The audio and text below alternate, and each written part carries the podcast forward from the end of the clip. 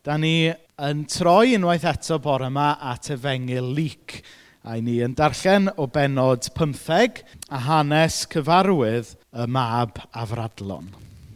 Aeth Iesu yn ei flaen i ddweud stori arall. Roedd rhyw ddyn a dau fab ganddo. Dyma'r mab ifanca yn mynd at ei dad a dweud, Dad, dwi eisiau ti roi fy siar i o'r ystad i mi nawr. Felly dyma'r tad yn cytuno i rannu popeth oedd ganddo rhwng y ddau fab. Yn fuan wedyn, dyma'r mab ifanca yn gwerthu'r cwbl lot, gadael cartref a theithio i wlad bell. Yno, gwastraffodd ei arian i gyd ar fywyd gwyllt. Ar ôl iddo gochi'r cwbl, bu newyn difrifol drwy'r wlad ac roedd yn dechrau chwgu. Chwyddodd i berswadio rhywun i roi gwaith iddo – a chafodd ei anfon allan i'r ceiau i ofalu am foch. Aeth pethau mor ddrwg nes ei fod yn cael ei demtio i fwyta peth o'r bwyd moch. Doedd neb yn rhoi dim arall iddo. Yna, o'r diwedd, calliodd ac meddai, beth dwi'n ei wneud yn y fan yma yn llwgu farwolaeth? Mae'n had yn cyflogi gweithwyr ac mae ganddyn nhw ddigonedd o fwyd. A fi adre at dad – a dweud wrtho, Dad, dwi wedi pechu yn erbyn Dyw ac yn derbyn di. Dwi ddim yn heiddi cael fy ngalw'n fab i ti ddim mwy. Gad i mi fod yn un o'r gweithwyr sy'n cael ei gyflogi gen ti. Felly ffwrdd ag e yn ôl adre. Gwelodd ei dad e'n dod pan oedd yn dal yn bell i ffwrdd. Roedd ei dad wedi cynhyrfu a rhedodd at ei fab a'i gofleidio a'i gusanu. A dyma'r mab yn dweud wrtho, Dad, dwi wedi pechu yn erbyn Dyw ac yn dy erbyn di. Dwi ddim yn heiddi cael fy ngalw'n fab i ti ddim mwy. Meddai'r tad wrth y gweision, brysiwch, ewch i'n ôl mantell iddo i gwisgo, yr un orau. Rhowch fodrwy ar ei fus a sandalau ar ei draed. Yna, ewch i ladd y llo sydd wedi cael ei besgu, i ni gael parti. Roedd fy mab i wedi marw, ond mae wedi dod yn ôl yn fyw. Roedd e ar goch, ond dyn ni wedi gael yn ôl. Felly dyma'r parti'n dechrau. Tra oedd hyn i gyd yn digwydd, roedd y mab hynaf allan yn gweithio yn y ceiau. Wrth ddod yn ôl at y tŷ, roedd yn clywed sŵn cerddoriaeth a dawnsio. Galwodd fachgen ifanc ato a gofyn iddo beth oedd yn digwydd. Mae dy frawd yma, meddyn nhw Mae dy dad wedi lladd y llo oedd wedi besgu i ddathlu ei fod wedi gael yn ôl yn saff. Ond dyma'r mab hynaf yn digio a gwrthod mynd i mewn. Felly dyma'i dad yn dod allan a chrefu arno i fynd i mewn. O meddai wrth ei dad, edrych, dwi wedi slafio ar hyd y blynyddoedd yma, heb erioed wrthod gwneud unrhyw beth i ti.' Cheis i erioed fyn gafr gen ti i gael parti gyda fy ffrindiau. Ond dyma hwn yn dod adre, y mab yma sydd gen ti. Yr un sydd wedi gwastraffu dariant i gyd ar beteiniaid. Oh, mae'n rhaid i ti ladd y llo sydd wedi besgu hwn. Machgen i, meddai'r tad wrtho. Rwy ti yma bob amser, a ti sydd biau popeth sydd gen i ar ôl. Ond roedd rhaid i ni ddathlu. Roedd dy frawd wedi marw, ond mae wedi dod yn ôl yn fyw. Roedd e ar goll, ond dy ni wedi gael yn ôl.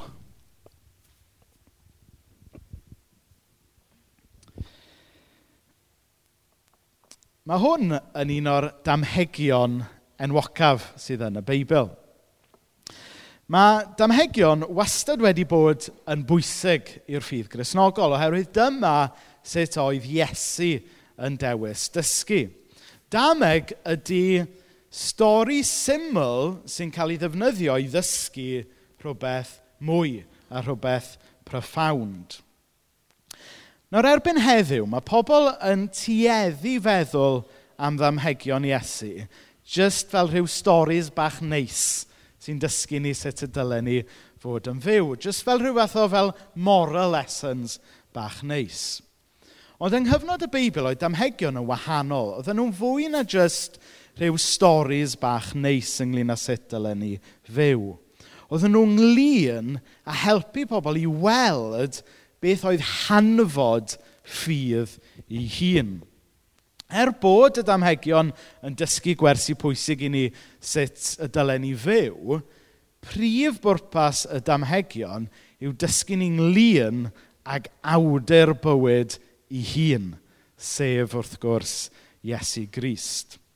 Achos does dim modd i ni fydda byw y bywyd chrysnogol heb yn gyntaf ddeall a credu ac adnabod gwrthrych y ffydd grisnogol, sef Iesu Grist. Meddyliwch am y peth fel hyn. Um, digwydd bod, um, ddoe, nes i weld brawd arwel am y tro cyntaf ers tua 15 mlynedd o bosib, neu o leia blynyddoedd mawr. Ac, um, a mae brawd arwel yn gerddor. Arwel yw'r un um, chyfo, trefnus gweithio yn y cyngor sir, spreadsheets, ddim bod dim byd yn bod ar hynna. Mae'n bwysig iawn cael pobl felly yn eich bywyd ac yn eich eglwys yn sicr. Ond mae Emyr yn fwy ati yn dydy ar fel. Mae Emyr yn gerddor. A pan o'n i'n tyfu fyny yn Aberystwyth, Wncol Emyr oedd yn arwen y cerddorfeidd a'r core o'n i'n rhan ohono fe. A dwi'n cofio Um, ar ddechrau pob cwrs cerddorfa neu ar ddechrau um, rhai ymarferion, bydde Emyr yn, cyn bod ni'n mynd i actually chwarae y darn o gerddoriaeth, bydde Emyr yn cyflwyno ni i'r person nath gyfansoddi y darn. So, os, os oedden ni yn... Um, eithon ni ar daith i Prag unwaith a chwarae um, Mala uh, rhif 5. A gaethon ni am dair wythnos, a chybo, o'n i'n 16 oed ar y pryd ac oedd yn anhygoel. A, a, ac er mwyn deall y darn, er mwyn deall y symffoni, er mwyn chwarae y symffoni yn yr ysbryd cywir, oedd rhaid ni yn gyntaf wybod rhywbeth am y cyfansoddwr.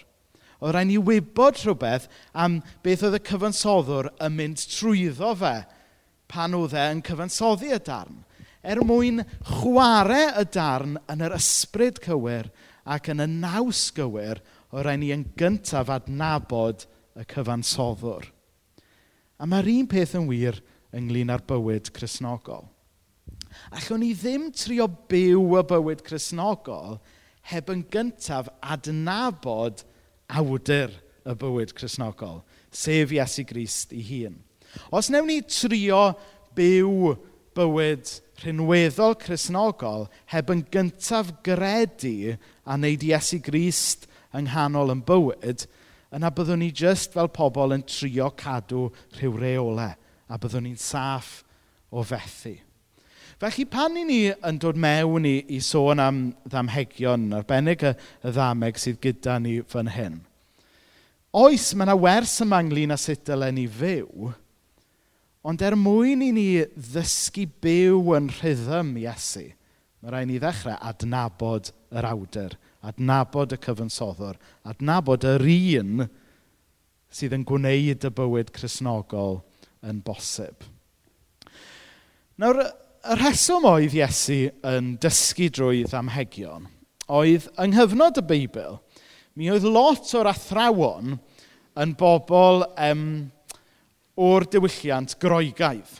Yn bobl intellectual iawn. Yn, yn, oedd yn nhw oedd parchedig ddoctors i dydd, os hoffech chi. Mae hwnna'n rhywbeth sy'n rili really anoio fi. Yn y, yn y cylchoedd fatha, yn, yr, um, yn y cylchoedd yr, yr enwad y bydyddwyr yma, mae, wastad, mae, mae pob gweinidog wastad yn rhoi i graddau ar ôl i enw a pethau. A tybod, ac Dyw e ddim yn berthnasol yn fy marn i. Chybod, um, a, a dyma sut oedd hi yn gyffredinol yng nghyfnod y Beibl. Oedd yr holl athrawon yn bobl intellectual iawn, yn bobl oedd wedi cael llawer addysg. Ond o ganlyniad, oedd lot o ddysgu athrawon yn amser y Beibl allan o afael pobl cyffredin. Ond oedd Iesu ddim a diddordeb cael ei dderbyn ymhlith yr a thronwyr groegaidd. Oedd Iesu ddim mor interested â hynny yng, ynglyn â cael ei dderbyn gan y bobl fawr a'r bobl wedi cael addysg. Calon Iesu oedd bod pobl gyffredin i ddydd yn dod i'w adnabod e a deall i neges e. Felly dyna pam oedd Iesu yn dysgu drwy ddamhegion. Oedd e'n dysgu drwy ddefnyddio storis a sefyllfaoedd byddai pobl bob dydd yn yn amser y Beibl wedi i ddeall. Nawr i ni, mae rhai o'r damhegion yn ymddangos fel bod Iesu yn gorgymlethu pethau. Ond mae hynna jyst achos bod ni yn byw mewn diwylliant 2000 o flynyddoedd yn ddiweddarach, a bod lot o'r damhegion a'r cultural references jyst yn wahanol i ni, yn arbennig felly fel rhai o'r rhai o byd amaeth ac yn y blaen. Chybod, mae rhan fwy ohono ni. Um, gan na rhyw ymchwil i wneud rhai blynyddoedd yn ôl yn gofyn i blant ysgol o lle oedd llefrith yn dwad ac oedd beth oedd e, 67% sy'n dweud Tesco. um, sy'n jyst yn rhoi rhyw snapshot, tybod. Ond, ond oedd hi'n ddiwylliant gwahanol yn amser y Beibl. Felly mae rhai o'r damhegion sy'n swnio'n gymleth i ni, byddai pobl gyffredin yn amser y Beibl wedi, wedi deall nhw yn syml ac yn iawn. So mae'r ddameg sydd gyda ni heddiw yw dameg y mab a fradlon. A mae e'n hanes digon um, cyfarwydd i rhan fwyaf ohono ni. Mae yna dad a mae ganddo fe ddau fab. Mae'r mab ieienga yn gofyn am ei ran o'i etifedd. Mae e'n ffeirio'r etifedd yn am arian a mae e'n mynd i ffwrdd. Le wedyn ni mae e'n mynd i ffwrdd? I Gaerdydd. A dyn ni fod yn mynd i Gaerdydd. um, mae e'n byw bywyd gwyllt, byw bywyd extravagant, a mae e'n gwario'r cyfan, a mae e'n ffeindio'i hunan heb ddim byd. Mae'n ffeindio ei hunan yn byw mewn tlodi, Mae'n ffeindio ei hun yn gorfod byw a bwyta ymhlith y moch hyd yn oed. Yn sydyn reit, mae'n dod at ei hun. Mae'n sylweddoli pa mor bell mae e wedi mynd. Mae'n sylweddoli bod e wedi hitio y gweilod. A mae e'n meddwl, mae'r gweision yn hif yn had i yn byw bywyd gwell na hyn. Felly dwi am fynd nôl at yn had a gofyn, nid os gai ddod nôl i fod yn fab, ond gofyn os gai ddod nôl i fod yn un o'r gweision. Ac er mawr syndod iddo fe, ddim jyst fod y tad yn derbyn e fel, nôl fel un o'r gweision, mae e'n derbyn e nôl fel un o'r plant, fel un o'r etifeddion unwaith eto. Mae'r tad yn mynd dros ben llestri yn ei groesawu fe nôl. Mae e'n lladd um, y llo pasgedig, um, hynny yw y llo oedden nhw'n tyfu'n dew ar gyfer dathliad arbennig, mae e'n rhoi modrwy arbennig iddo fe, a dyna lle o'n nhw yn gwledda yn llawen fod y mab wedi dod nôl adre. A fel arfer, dyna lle mae'r stori yn stopio pan mae e yn cael ei bregethu neu yn cael ei rannu yn ysgol sil gyda'r plant. Ond, mae yna ail hanner i'r stori hefyd. Oedd yna fab arall yn byw yn y tŷ. A doedd e ddim yn hapus o gwbl fod y mab fod y tad wedi derbyn y mab ifanca nôl. Oedd e ddim yn hapus fod y tad yn extravagant yn ei gariad tuag at y mab ifanca. A mae'r mab hynna yn pwdi. Um, ac um, mae'n ddiddorol yn dydy fod yna ddau fab yn y stori. A mae'r mab hynna yn rhywun da ni'n anhofio sôn amdano fe. Nawr, yn llawer o'r Beiblau e Saesneg, um, y teitl sy'n cael ei roi ar yr hanes yw The Prodigal Son. A mae yna um, lyfr um, gan awdur Americanaidd o'r enw Tim Keller. A enw'r llyfr, a mae'n lyfr arbennig iawn, yw um, The Prodigal God. Hynny yw, be ydy hwn? Ydy nid stori ynglyn â mab a fradlon, nid stori ynglyn â'r mab hi, nid stori yn gymaint am ddau fab, ond stori ydy e ynglyn â dew a fradlon. Nawr, pan da ni'n meddwl am afradlon, da ni'n meddwl bod o'n golygu fatha rebel, neu rhywun sydd wedi mynd off y rails. Ond ystyr y gair mewn gwirionedd ydy extravagance, neu extravagant. Felly drwy, drwy sôn fod Dyw yn afradlon, beth i ni'n dweud yw fod Dyw yn extravagant yn ei gariad a'i ras tuag ato ni. Fod Dyw yn dros ben llestri yn y ffordd mae e'n cynnig maddeiant yn yn caru ni ac yn yn derbyn ni yn ôl. Pan oedd y mab yma yn dod nôl ar ôl bod yng Nghaerdydd, bydden ni wedi meddwl, wel, tough love mae hwn angen. Mae hwn angen mynd i'r doghouse am chydig bach. Mae hwn angen, mae hwn angen, tyfo, this needs, mae angen rhoi chi bach o ddolir i hwn. Mae eisiau hwn ddioddau chydig bach gyntaf o leia. Ond nid felly mae cariad Dyw yn gweithio. Dydy Dyw ddim eisiau ni ddioddau munud yn fwy na sydd angen. Mae Dyw yn extravagant. Mae Dyw yn ddiw hael iawn yn ei fyddeiant a'i gariad a'i ras tuag ata ni. Mae'r byd yn edrych ar y mab afradlon ac yn dweud mae hwn wedi taflu'r cyfan i ffwrdd. Ni'n rhoi give up amdano fe, ni'n reitio fe off. Ond mae Dyw yn edrych arno fe dweud, dwi am rhoi ail gyfle. Dwi am roi maddeiant. Dwi am adfer e yn ôl i fod yn etifedd ac yn blentyn i fi. Yng ngolwg y byd, mae cariad y tad, cariad Dyw, yn ffôl yn dydy. Ond mae'r Beibl yn dweud fod yr efengil yn ymddangos yn ffolineb i'r byd ac yn sgandal i'r byd. Ond dyma yw natur cariad Dyw. Mae Dyw, mae cariad Dyw ddim yn gwneud sens i'r byd. Mae cariad Dyw yn sgandal i'r byd, ond dyma ydy natur cariad a myddeiant Dyw tuag ata ni. Felly wrth i ni feddwl ynglyn â'r mab afradlon, cofiwch fod Dyw yn afradlon hefyd, ond yn afradlon yn ei gariad i faddeiant a'i ras. Ac wedyn yr, yr ail bwynt sy'n aml yn cael ei golli yn yr hanes, sef yr ail fab. Da ni fel arfer yn stopio dweud yr hanes pan mae'r mab ifanca'n dod nôl, ond mae yna wyth adnod arall i'r ddameg. Chybod, mae yna rai ffilms yn does. Chi'n chi meddwl bod nhw'n dod i'w climax, a wedyn, i chi'n edrych faint o'r gloch yw, a chi'n meddwl, o, Mae yna 20 munud arall o'r ffilm yma. Mae yna twist yn dod.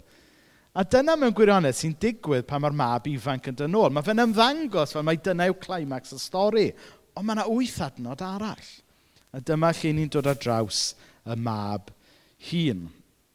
Ond dyma'r mab hynaf yn digio a gwrthod mynd i mewn.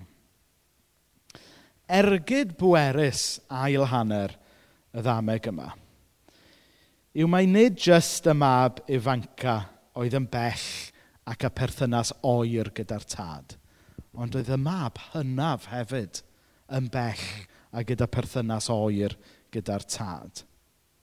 Oedd y ddau fab yn bell o'i tad, ond mewn ffordd wahanol.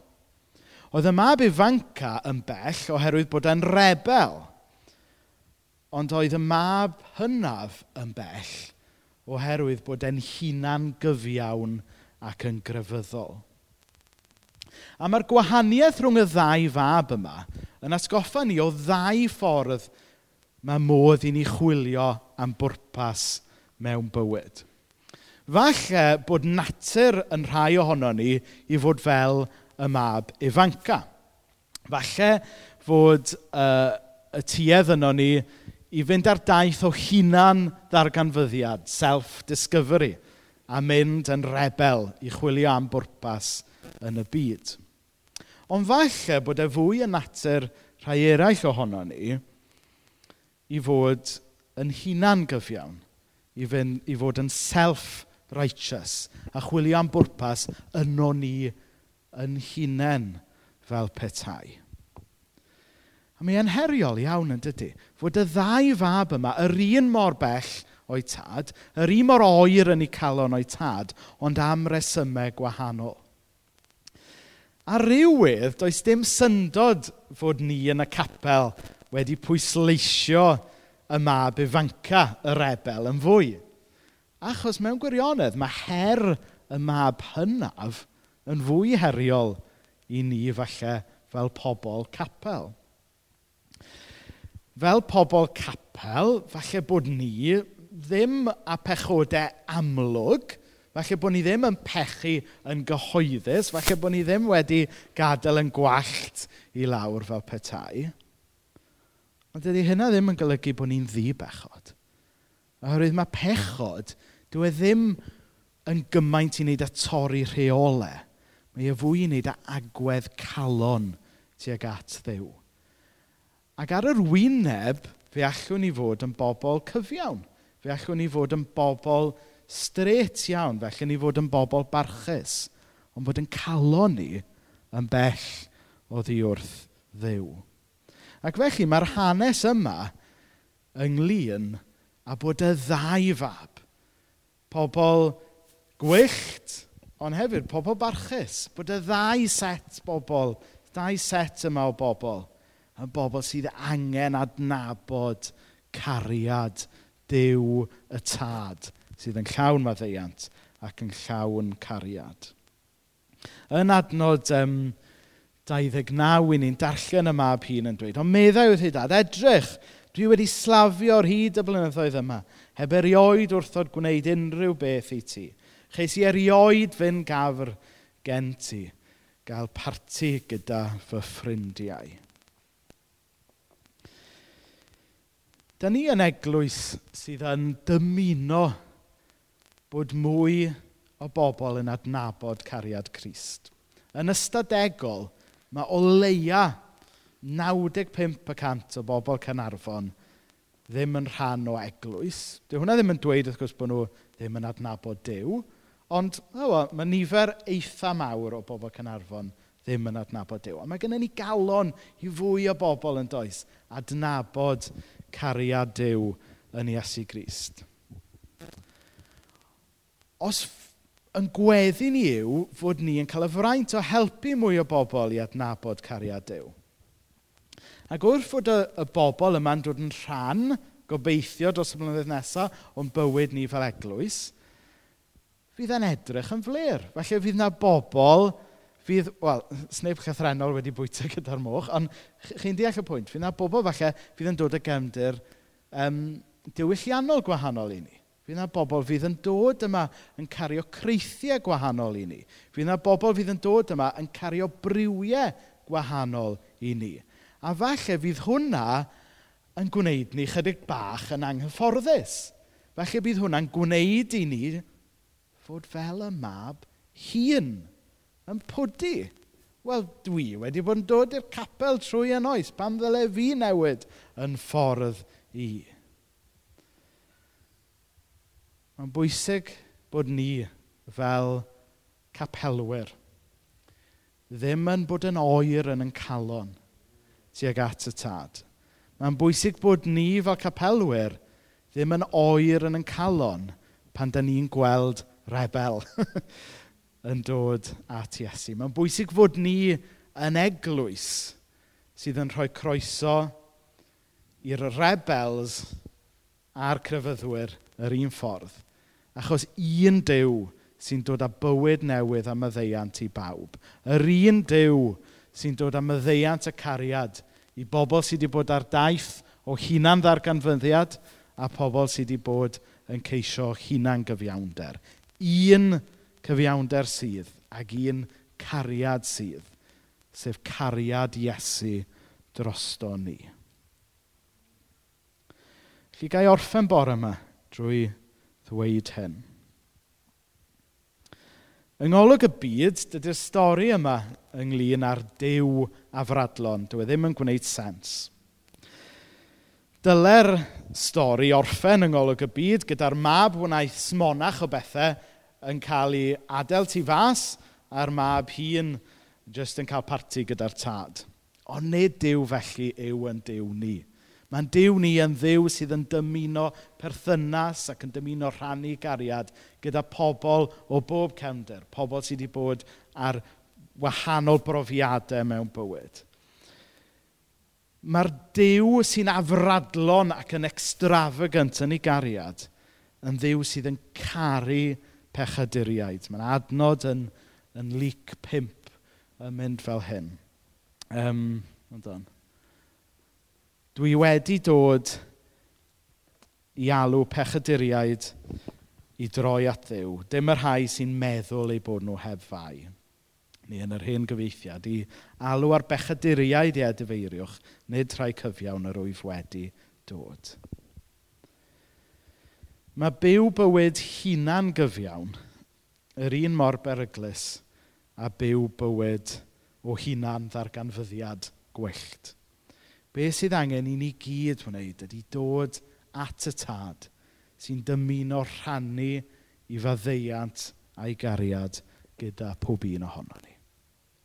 Gai wahodd pawb i godi ar yn traed a newn ni geisio dew mewn gweddi ac eith y band ddod fyny.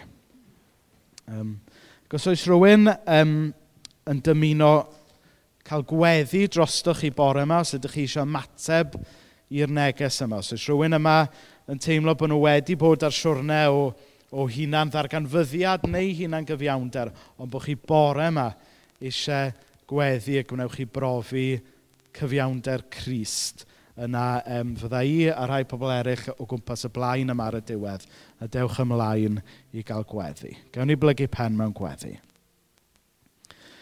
O ddiw dad, i ni'n diolch fod ti yn ddiw sydd yn llawn cariad. I ni'n diolch bod ti'n ddiw sydd yn afradlon yn dy gariad. Ac o ddiw dad, da ni'n codi pawb sydd yma bore yma i ti. Os oes rhywun yma bore yma'n gallu unieithu gyda'r mab Ifanca, wedi crwydro yn bell, wedi chwilio am bwrpas mewn pethau gwyllt y byd. Wel, o ddew dad, gad i'r person yna wybod fod nid yn unig fod na lwybr ato ti, ond bod ti ar ddiwedd y llwybr yna a breichiau agored. O ddiw dad, os oes rhywun yma bore yma wedi bod ar lwybr hunan gyfiawnder, a meddwl bod nhw yn iawn oherwydd be maen nhw wedi gwneud, bod nhw wedi byw bywyd parchus rhinweddol. Wel, oedd yw dad tora um, galon y person yna, a'r holl galon newydd iddyn nhw. Calon gynnes tuag ata ti o ddiw dad. O ddiw dad, ni'n cyflwyno ni fel eglwys i ti. Gad i ni fod yn eglwys sydd yn adlewyrchu calon y tad Gad i ni fod yn eglwys sydd â calon um, agored at y toredig a'r hunan cyfiawn. O ddiw dad, helpa ni beidio ca, fel eglwys, beidio cael calon y brawd hun tuag at bobl newydd sydd falle'n ymuno ar eglwys ac yn chwilio am fywyd yno ti o ddiw dad. O ddiw dad, i ni'n diolch fod y gariad di yn un afradlon. I ni'n diolch fod y gariad di yn gariad gwyllt.